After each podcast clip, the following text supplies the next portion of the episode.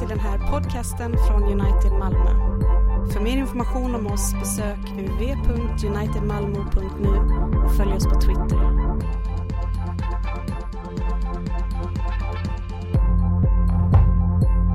Tack så jättemycket för välkomnandet och för att få vara här. Det är andra gången jag får vara på United och det är en stor glädje och stor välsignelse för mig då som leder EFS som föddes av det här evangeliet som inte minst du själv har predikat om här nu på förmiddagen. Eh, som är både vårt DNA och vår livsluft men där vi ibland kan behöva någon som lite snett utifrån påminner oss om vad det egentligen vi faktiskt har. Alltså man kan ha, ja men jag har inte så mycket smycken själv, min hustru inte heller så jättemycket, men det finns ju ändå några saker i, i, i, i någon slags bland strumporna. Va? Eh, men det, det, det, vi hade inbrott och då, då det hände inte så jättemycket och de försökte hitta dem där men de hann aldrig dit. Eh, de, eh, sen stack de innan smyckena försvann. Eh, och det hade vi kanske klarat det också, men det var min hustrus framförallt, så det var ju väldigt skönt. Och då, då tog jag mig för att flytta dem till ett annat ställe som skulle möjligen kunna vara lite svårare än att, att hitta. Och då insåg jag att ja, men vi har ju jättefina saker här. Så att, jag vet inte om du ska kalla det att du gör inbrott, men, men jag menar det. och sen tänkte jag att du kan behöva hjälp med ödmjukhet möjligen och då, därför så bad jag att de skulle höja den här eh, predikstolen lite grann. Nu, nu, nu innebar det att jag själv fick ödmjuka mig, vilket inte var lika nödvändigt. Eh, Därför att när, när vi testade kameran här, vet ni var jag hamnar? Jag skymmer Kristus. Eh, så att jag står lite till höger här, eller på vänster från er sida för att inte göra det. Eh, och det gör jag så gärna för det, det sista jag skulle vilja är att skymma Kristus. Gud förbjud det. Eh, så det är, en, det är en förmån, men det är inte lika, hur ska jag säga, jag ska inte, jag ska inte liksom ursäkta mig och, ge massa brasklappar här, men ja, det, det, här ämnet är inte min hemmaplan och dessutom, jag är ju ganska lågkyrklig. Så det är lite riskabelt att sätta mig på det här ämnet, vi får se hur det går. Eh, men eh, det är så med mig nämligen att jag, jag har ju prästskjorta, jag är prästvigd för Svenska kyrkan så jag är fullvärdig i alla avseenden eh, eh, präst. Men jag är också ledare för en lekmannarörelse och jag, jag skämtar, till och med dristat mig att våga skämta med biskopsmötet om detta, att jag vet inte riktigt vilken skjorta jag ska ha på mig. Om det är en prästskjorta eller en vanlig skjorta. Så är det med mig och det kommer ni märka i det här jag säger också. Eh, men du gav mig en, en utmaning eh, att tala om ämbetet utifrån det femte kännetecknet på kyrkan, nämligen att kyrkan viger eller kallar. Eh, det är samma sak enligt Luther, viga och kalla tjänare. Och att kyrkan har ämbeten som behöver förvaltas. Eh, och han säger att det, det här ämbetet måste finnas för att de fyra styckena eller klenoderna Nämligen ordet, dopet, nattvarden och bikten. För det, där är ju, tillsägs ju den här förlåtelsen, det här evangeliet personligt, enskilt.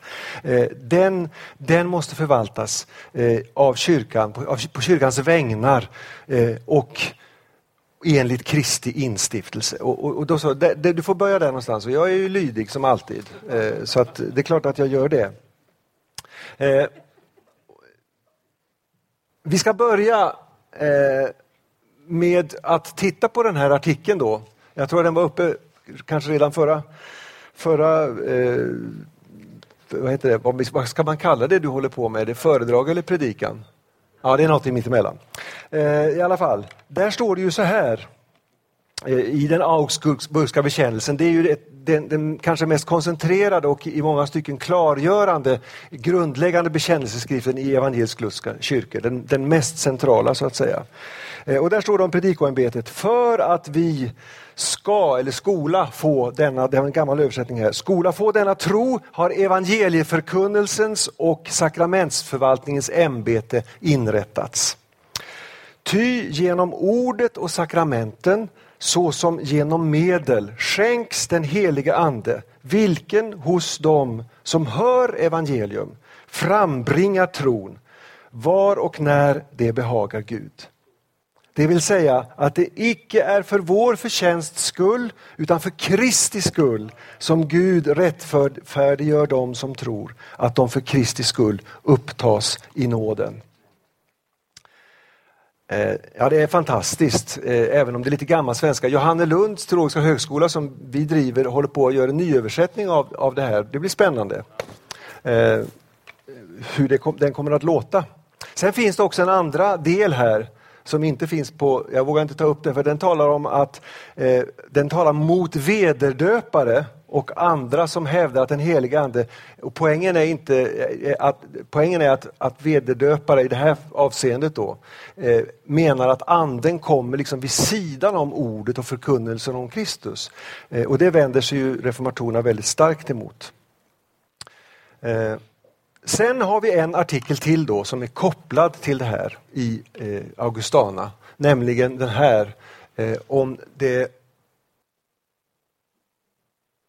Just det, om det andliga ståndet. Om det andliga ståndet lär det att ingen utan vederbörlig kallelse bör i kyrkan predika offentligen eller förvalta sakramenten. Det talar alltså om att det ska finnas en ordning, det ska finnas en kallelse om man ska ha det här, det här uppdraget. Eh, om vi då skulle kommentera eh, det här lite grann. Eh, första delen handlar om att, att jag vill kommentera några saker här. Den andra delen så ska jag säga några saker om Nya Testamentet och den tredje delen försöka sammanfatta lite grann hur vi förstår det här i EFS sammanhang. Eh, och det är, ju, det, är ju, det är ju där som den rätta medelvägen för allting finns. Så att det är ju ganska tryggt för er alla då eh, att, att ta den vägen. Eh, men vi tar fram den här. Här har jag mina huvudpunkter bara så. Vi kunde tyvärr inte ordna någon sån här animering att jag tar en fram en i taget. Eh, men de finns här, en sammanfattning av det jag ska säga om det här området. Eh, och det första är då att ämbetet eller predikotjänsten den behövs för att vi ska få tron. Det nämnde du Magnus också i förmiddags. Eh, och där säger det tyska originalet så här att för att vi ska få den här tron har Gud inrättat predikoämbetet och gett evangeliet och sakramenten. Det är lite annorlunda faktiskt än den svenska översättningen. Det är Gud som har inrättat predikoämbetet och så har han gett eh, evangeliet och sakramenten. Och inledningen här i artikel 5 som vi nyss läste säger ju att det är för att vi ska få denna tro som det här, den här predikotjänsten behöver finnas.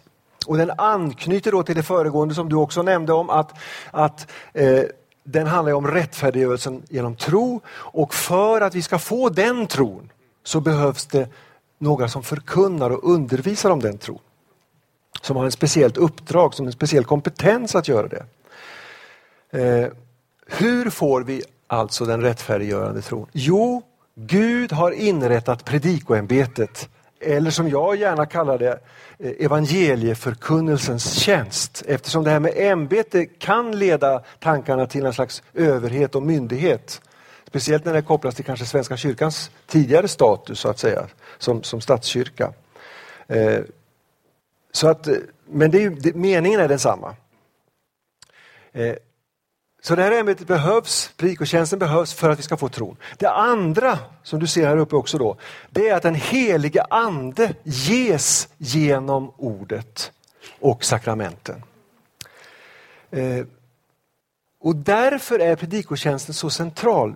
Därför att tanken är att den helige ande, som ju skapar tron hos oss, eh, ges oss just genom ordet och sakramentet, genom evangeliet om, om Kristus. Ja, Kristus kommer själv till oss med alla sina gåvor i det förkunnade evangeliet, i dopet och i nattvarden.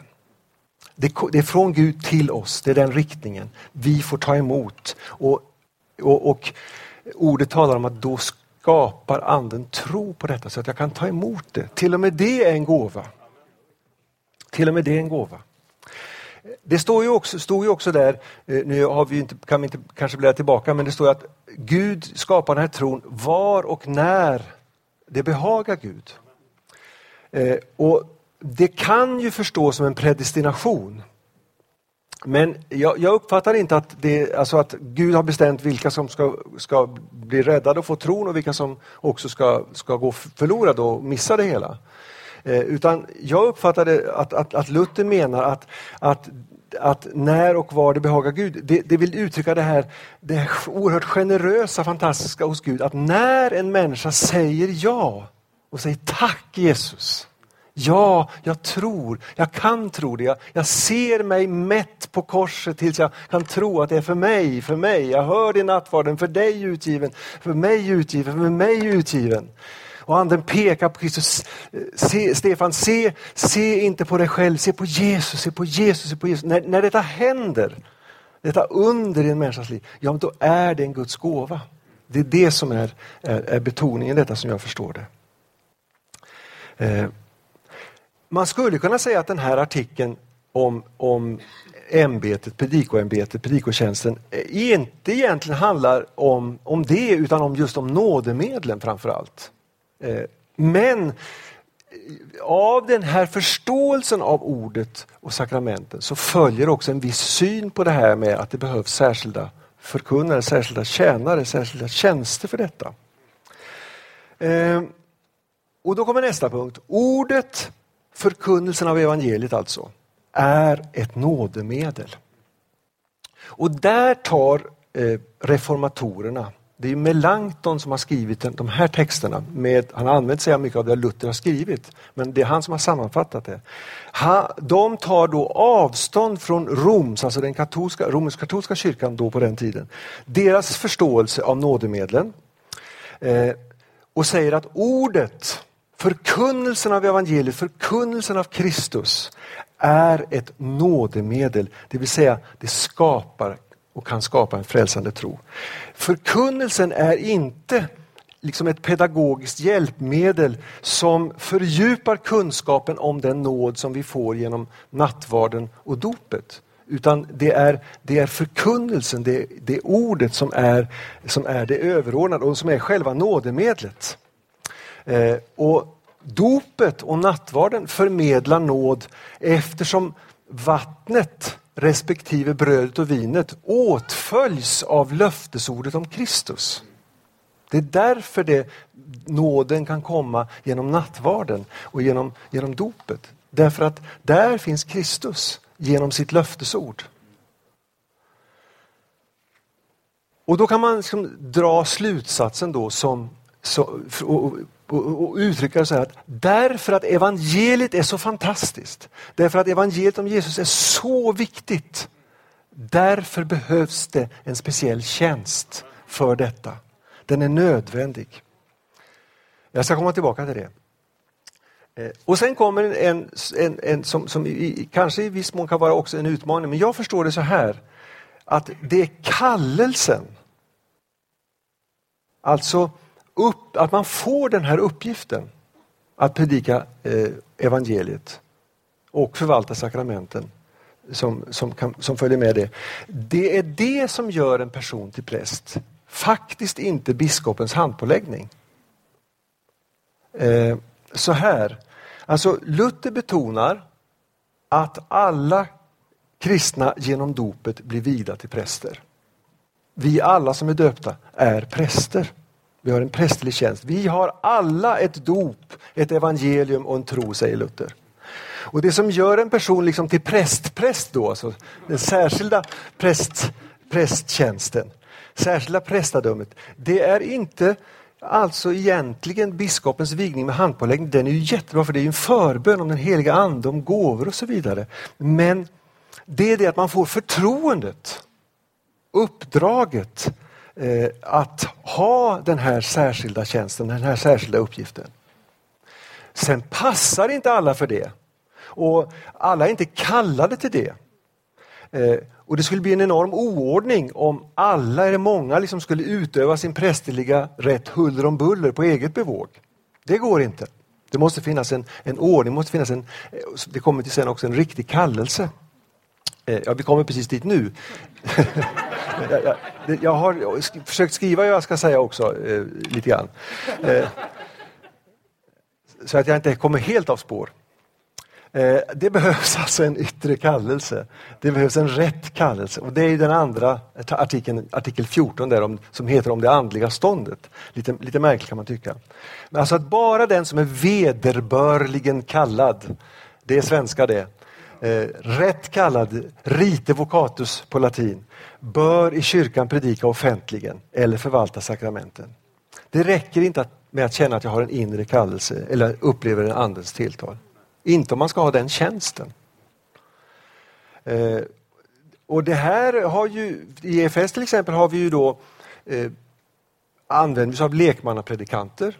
Men inte hur som helst. Alltså någon slags sanktionering måste man få för att få göra det.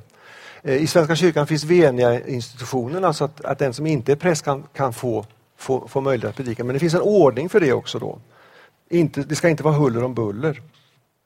Samtidigt så tror jag att det är en väldig rikedom eh, från de sammanhang där jag, där jag att, att människor med gåvor, vi har en läkare till exempel i Lötenkyrkan som, som, som har en väldig gåva att, att måla Jesus. Och, och det, det, det, är någonting också med en människa som lever i, i den, den typen av vardag som är mer vanlig vardag än, än min vardag.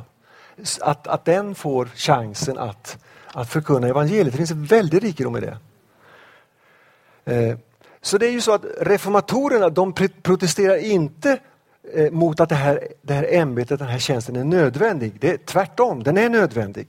Men det man protesterar emot det är att sakramentet, alltså nattvarden och dopet, skulle bli giltigt bara om prästen har fått den rätta prästvigningen då enligt den katolska kyrkans ordning och liksom har blivit en representant för Kristus på ett sätt som, som är mer än, än de andra. Alltså om, om, om, om giltigheten i nattvarden, om, om inte det är nattvarden, om inte det är på det sättet, det protesterar reformatorerna mot väldigt starkt. Eh, för i den, i den tanken då att, att, att vara rätt kallad, att det handlar om att, att man är liksom i, i kyrkans vad ska vi kalla auktoritetslinje eller biskopslinje får den rätta vigningen. Så där finns ju inte det här med det allmänna prästadömet, att alla är präster. Och, det, eh, och därför menar Luther att det, det är eh, genom att det allmänna prästadömet finns så är eh, eh, den rätta kallelsen i, faktiskt egentligen inte beroende av biskopens medverkan. Eh, och Det innebär att i ett nödläge så kan församlingen utse en präst om det skulle behövas. Eh, men Luther menar också att det är, det är ganska praktiskt, det är en bra ordning att biskopen har den här uppgiften. Eh, församlingen behöver bekräfta de som ska ha tjänsten men det, det, är inte alls en dum ordning. Det verkar Luther tycka ganska självklart. Men han säger samtidigt också ganska utmanande att, att Församlingen måste också ingripa om inte förkun, prästen och biskopen förkunnar ett rent evangelium. Eh, och därför den sista punkten där tror jag, va? en präst eller biskop som inte förkunnar ett rent evangelium har ingen auktoritet. Eh, som sagt, Luther verkar tänka att det bästa vore om biskopen utövade rätten att kalla, men inte som den överordnade över det allmänna prästadömet, och alla kristna, utan som, eh, utan som tjänare åt det sammanhanget. Eh, och eftersom biskopsombetet också är ett ordets tjänst så är en biskop inte en rätt biskop enbart i kraft att han är ordinerad att vara biskop utan, eh, utan om han förkunnar evangeliet rent och klart. Gör han inte det så ska han inte åtlyda, säger, säger Luther. Och det är ju en utmaning ibland, tycker jag, i en kyrka där, där det verkligen förkunnas på olika sätt, också från, från högsta nivå. Det, det måste jag säga. Eh, mm. Eh. Avslutningsvis där, Luther tonar alltså ner det här med innebörden i, i, i ordinationen eh, vigningen. Det handlar snarast om att församlingen eller kyrkan använder sin rätt att kalla till särskild prästtjänst. Det är liksom inget, jag vet inte, magiskt är fel ord, men alltså det är liksom inget som är så speciellt. Det speciella är att man har fått en uppgift att förkunna evangeliet och är kallad till det. Eh, lite grann från nya, om Nya Testamentet. Det är väl dags nu va? Nu har vi varit klart länge, kvar länge nog där i, i, i Confessio Augustana. Eh, här plågar jag ju med er med sånt som man när man då läser till präst och läser till förkunnare får, får jobba en del med. Eh, om man går på Johannelund till exempel Eh, och läser till präst så, så får man naturligtvis läsa det här och fundera och diskutera det och så. Eh, men Nya Testamentet har ni läst fler gånger än Confessio Augustana misstänker jag. Eh, och det tycker jag är rätt ordning. Läs först ut Nya Testamentet innan du går till Confessio Augustana. Eller läs båda parallellt ibland. Eh, några iakttagelser från Nya Testamentet. Det är på samma sätt här, jag bara har huvudpunkterna. Eh, och det är inte, jag ska inte säga jättemycket, men några saker. Det är tydligt i Nya Testamentet att det finns en mångfald av tjänster eh, många sidor av den här huvudsaken att förkunna evangeliet. Eh, Efesierbrevet 4.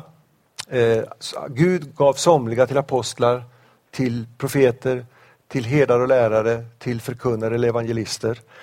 Eh, men när Luther pratar om det någon gång, då slänger han in det här med att vara styresman också. Då, kom, då hämtar vi från, en, från nådegåvslistorna i, i första Korinthierbrevet. Eh, så de kan ju också finnas med och visa på en mångfald av gåvor som finns och som behövs för evangeliets skull. För alla gåvorna Profetiskt tal, tungotal, styrs, gåvan att styra, gåvan att visa barmhärtighet. Alla de här gåvorna är ju till för att Kristus ska räckas till människor. Och hans kärlek, och hans upprättelse, och hans frälsning, och hans eh, rättfärdighet. Så det är det första, det finns en stor mångfald jag går inte in mer på det. Eh, sen är det nog riktigt som jag förstår det att säga att det finns, eller jag tycker det är ganska uppenbart, att det finns ingen entydig ordning med fasta tjänster i Nya Testamentet. Alltså, även om man försöker få ihop det här pusslet så, så läggs det inte helt tydligt. Eh, beteckningar på olika uppgifter eller tjänster i Nya Testamentet ger ingen riktigt enhetlig bild. Där används ordet episkoper, det som vi har vår biskop, biskop, ordet biskop ifrån. Och det talas om presbyterer som vi översätter med, med, med eh, präst eller, eller äldste. De är lite svåra att skilja åt, det är inte entydigt. Man kan jämföra Apostlagärningarna 20 med, med Titus 1 till exempel, så ser man det. Eh, och det är inte, faktiskt inte heller som jag förstår det, eh, riktigt möjligt om man ska eh, tala om diakonämbetet. Att starta det i Apostlagärningarna 6 med Stefan och de andra grabbarna som fick vara servitörer för att apostlarna skulle få tid och, och möjlighet att predika mer och undervisa mer. Eh, Alltså det var ju en praktisk tjänst, det är ju helt klart. Men Stefanos själv var ju kanske, om man ser fortsättningen, en, en profetisk förkunnare. Det var hans Eh, huvudgåva. Eh, men, men eh, och, och det, det, här, det är också det att det här som vi kallar för det treledade ämbetet i Svenska kyrkan och i katolska kyrkan med biskop, präst och diakon. Det är inte heller så lätt att härleda direkt då ifrån Nya Testamentet.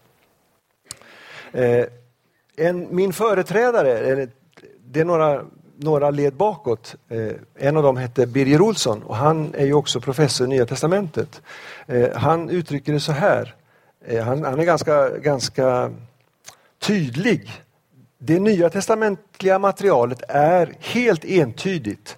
En, utformningen av tjänster i församlingarna har varierat betydligt under den kristna kyrkans framväxttid. Med olika ordningar på olika platser. Ja, på samma plats har ibland ordningen till och med ändrats. Eh, och därför så kan man inte och behöver inte och måste inte liksom hitta den nytestamentliga församlingsordningen. För den går inte riktigt att urskilja. Och där vet jag ju att jag diskuterar nu med, med traditioner som, som, som söker det. Och att försöka komma nära Nya Testamentet är ju väldigt lovvärt. Men det gäller att alltså, säga, leta efter rätt saker och, och dra rimliga slutsatser förstås. Eh, och det vi förenas i är ju detta att evangeliet är så stort. Så det här måste vi ha, det måste finnas en ordning för vi måste följa Guds kallelse att det, det ska finnas människor som har insikt i det, som har, som har, som, är, som har, som har fått sina hjärtan, sina liv förvandlade av det, som lever av detta, som kan ge det vidare. Som den här Magnus Persson till exempel, har hört talas om honom. Mm. Man märker ju på honom när han pratar hur det bara bubblar av detta. Det är härligt, broder. Eh, och sen då så kommer nästa punkt. Eh, eh, ingen vigningssuccession.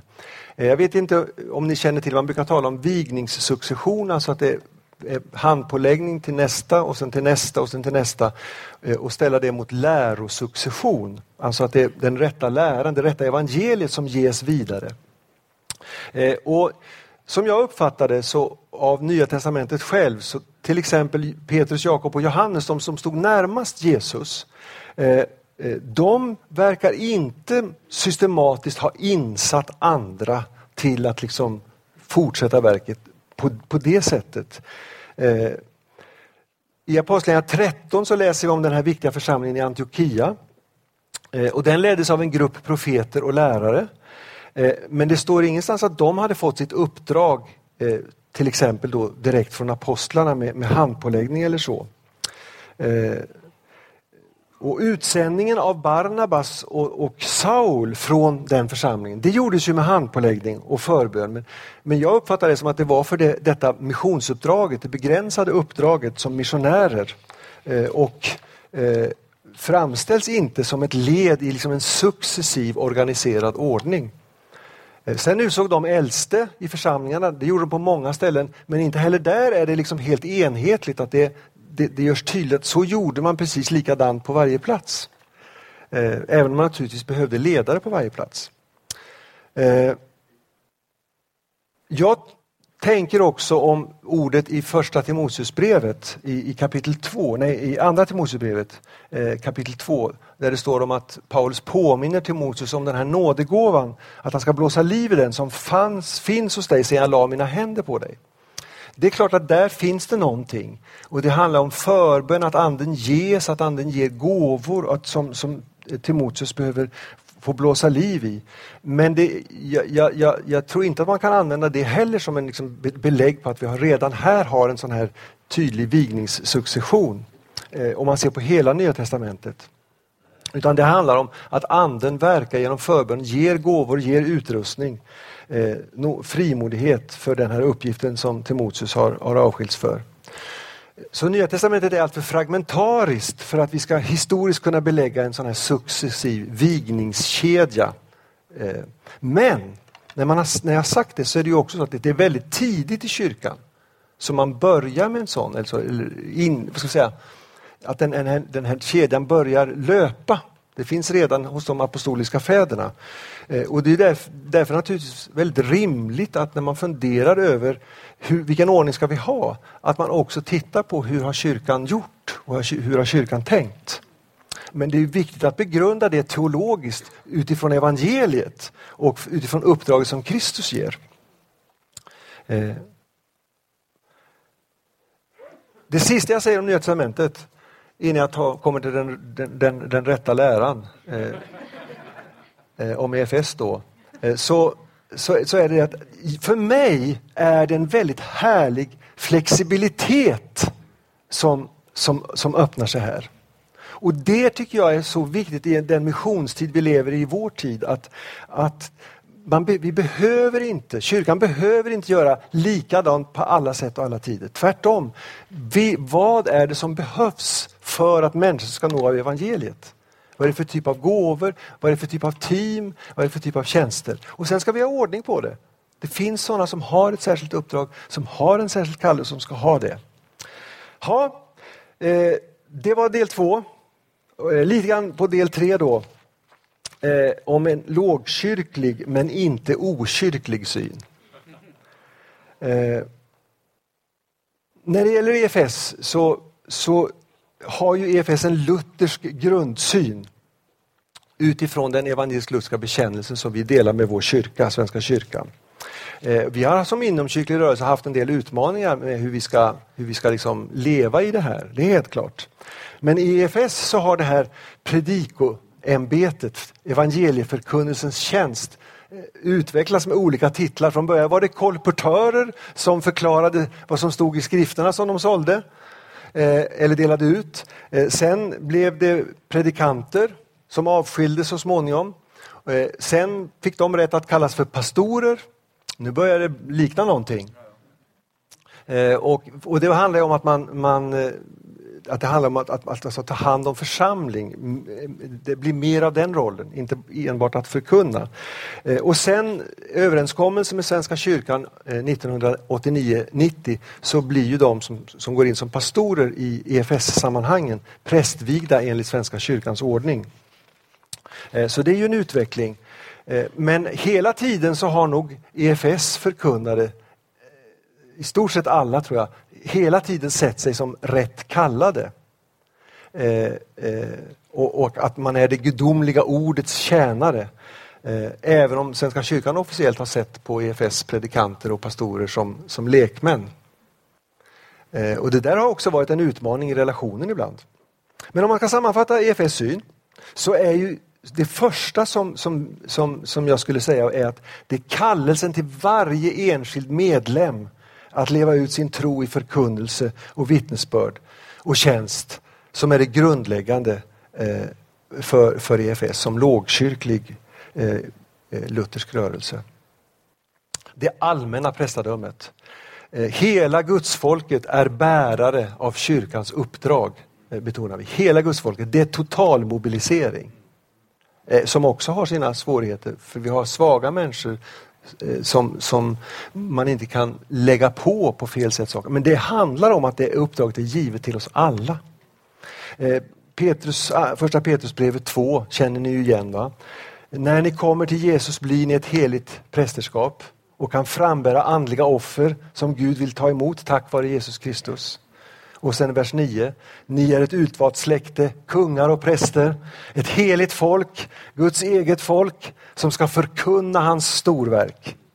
Han har kallat er från mörkret till sitt underbara ljus. Fantastiskt. Eh, och det gäller oss alla som tror på Kristus. Eh, det andra är att den här speciella tjänsten då, att det finns ett, ett förku, en förkunnelsetjänst. Eh, den definierar man nog bäst som en evangelieförkunnelsens tjänst. Eh, och det handlar inte om att det bara är en person som har allt så. Det kan behövas olika sidor av det. Men förkunnelse och undervisning det är centrum i den, den i, ja, i, i de skilda uppgifter som finns och, och tjänster som jag redan sagt i Nya Testamentet. Och, och därför bör det också vara centrum i eh, de olika tjänster som församlingen idag behöver. Eh, och då är det ju så som jag förstår det eh, att utifrån en evangelisk-luthersk kristendomsförståelse så är det inte uppgiften att förvalta sakramenten som är präst eller pastorstjänstens centrum.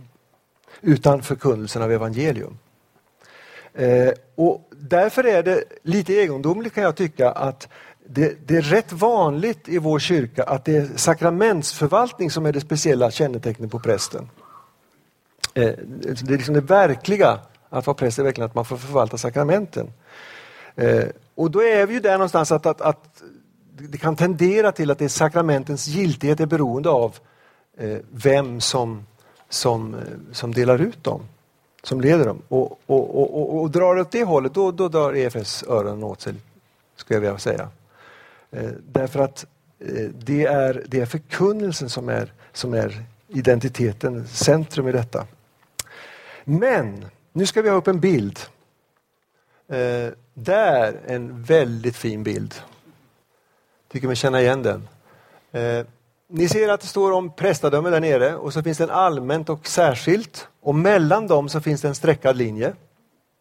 Eh, och, eh, jag, jag, tycker att det finns en poäng att den här linjen mellan allmänt prästadöme, allas, och det särskilda, någras särskilt kallade, rättligen kallade, att den inte är, är heldragen utan det, att det finns ett samspel, att det inte, inte allt förklarar gränser mellan de här sakerna. Jag var inne på det här med lekmannapredikanter till exempel.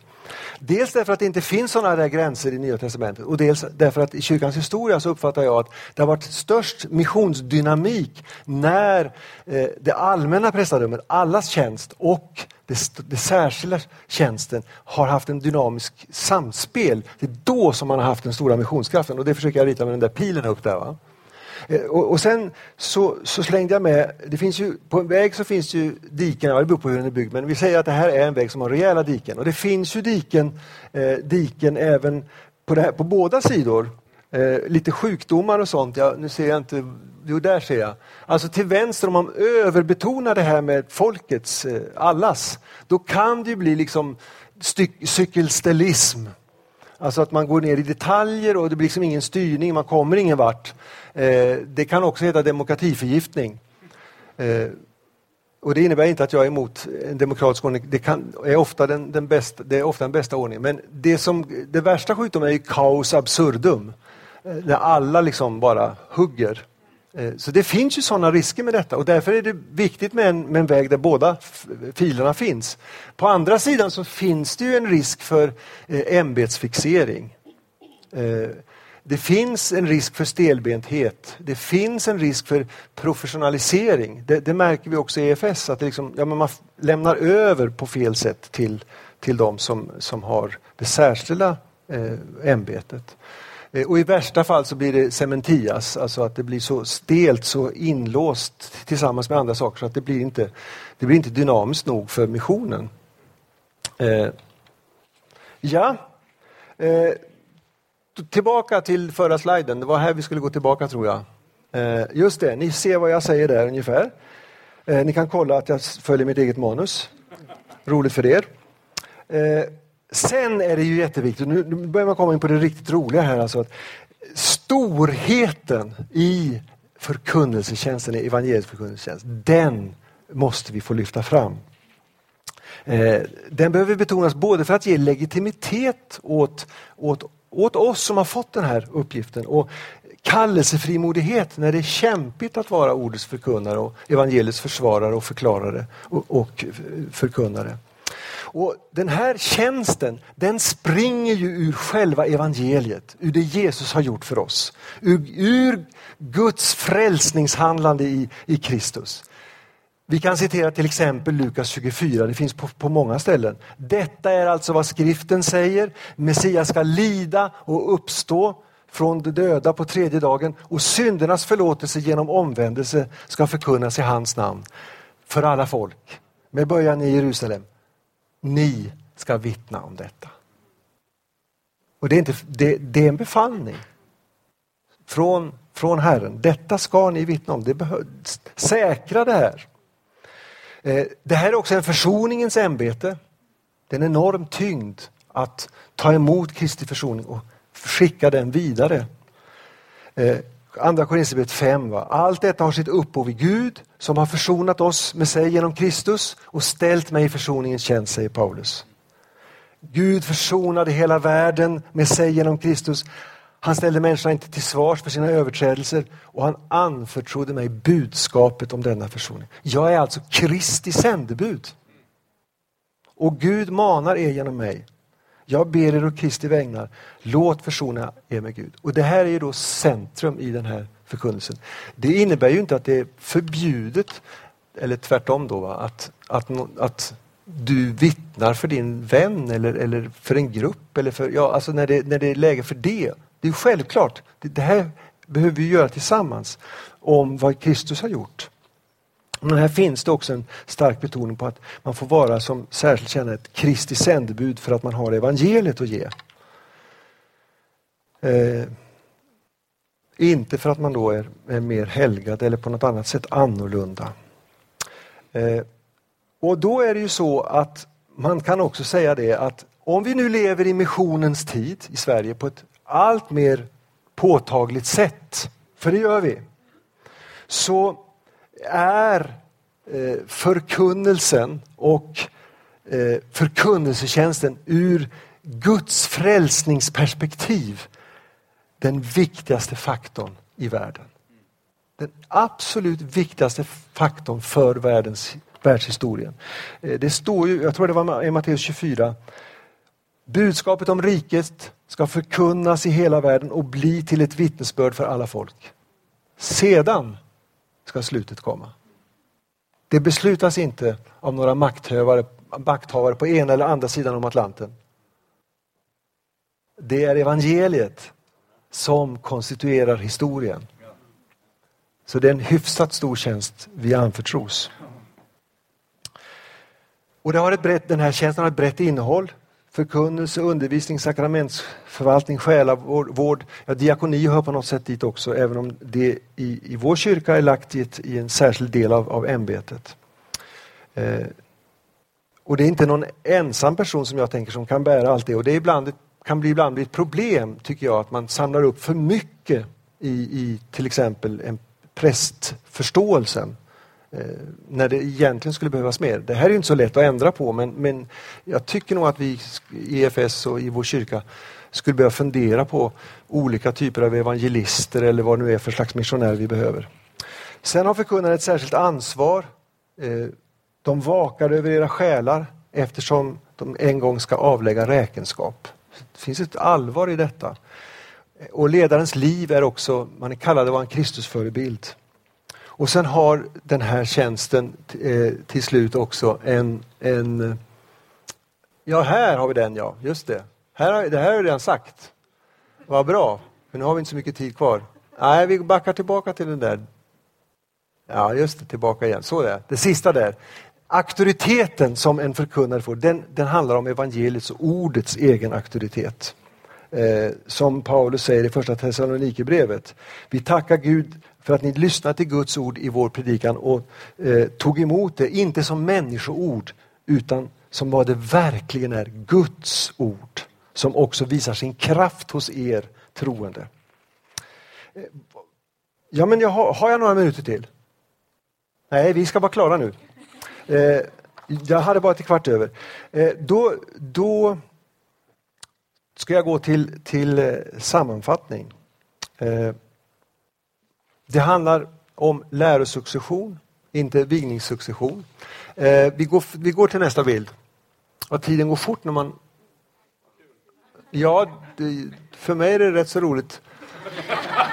Eh, just det. Alltså här vill bara visa att det finns liksom, när det gäller detta att, att få fram då de här särskilda prästerna eller förkunnartjänsten, vad vi nu kallar dem för, så eh, finns det dels en linje som går från Gud till församlingen, det allmänna prästabdömet, som är med och kallar sin präst. Men det finns också ett uppdrag från Gud till prästen. Det finns en dubbelhet i detta. Och sen finns det ju också, som i vår kyrka, en övergripande nivå. Att det är inte den enskilda församlingen som gör detta utan det, det, är, det finns ju ett, en struktur för att göra, vi har en antagningsprocess i EFS, Svenska kyrkan har liknande för att liksom säkra att vi får bra utbildade och rätt personer för det här. Eh,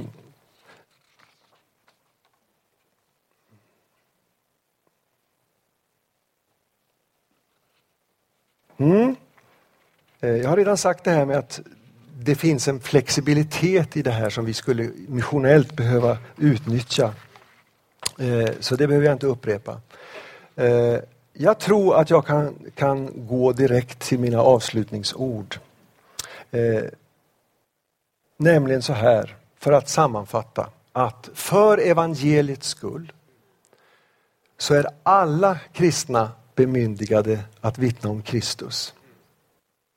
Men som vi ser i de här två artiklarna från den lutherska bekännelsen, Confessio Augustana 5 och 14, så, så för evangeliets skull, för att vi ska få denna tro, det, så är detta så viktigt och därför kallar Gud tjänar med ett särskilt uppdrag att tränga in i det här evangeliet, försvara det, förklara det och förkunna det så rent att det flyttar min blick från mig själv till Kristus. Om jag stiger åt sidan så ser ni honom tydligare. Så att jag slipper se på mig själv och istället får se på honom som är min rättfärdighet och frid. Och därför är det här, de här artiklarna prästämbetet och detta djupast sett också en mission, artiklar om mission. Alla behöver och alla har rätt att få höra det här evangeliet om Kristi försoning som Gud har gjort för att om möjligt alla människor ska bli frälsta, evigt räddade och redan nu få leva i den älskade Sonens rike. Det rike som är rättfärdighet och frid och glädje i den heliga Ande. Så lyder Herrens ord. Tackar dig. Amen.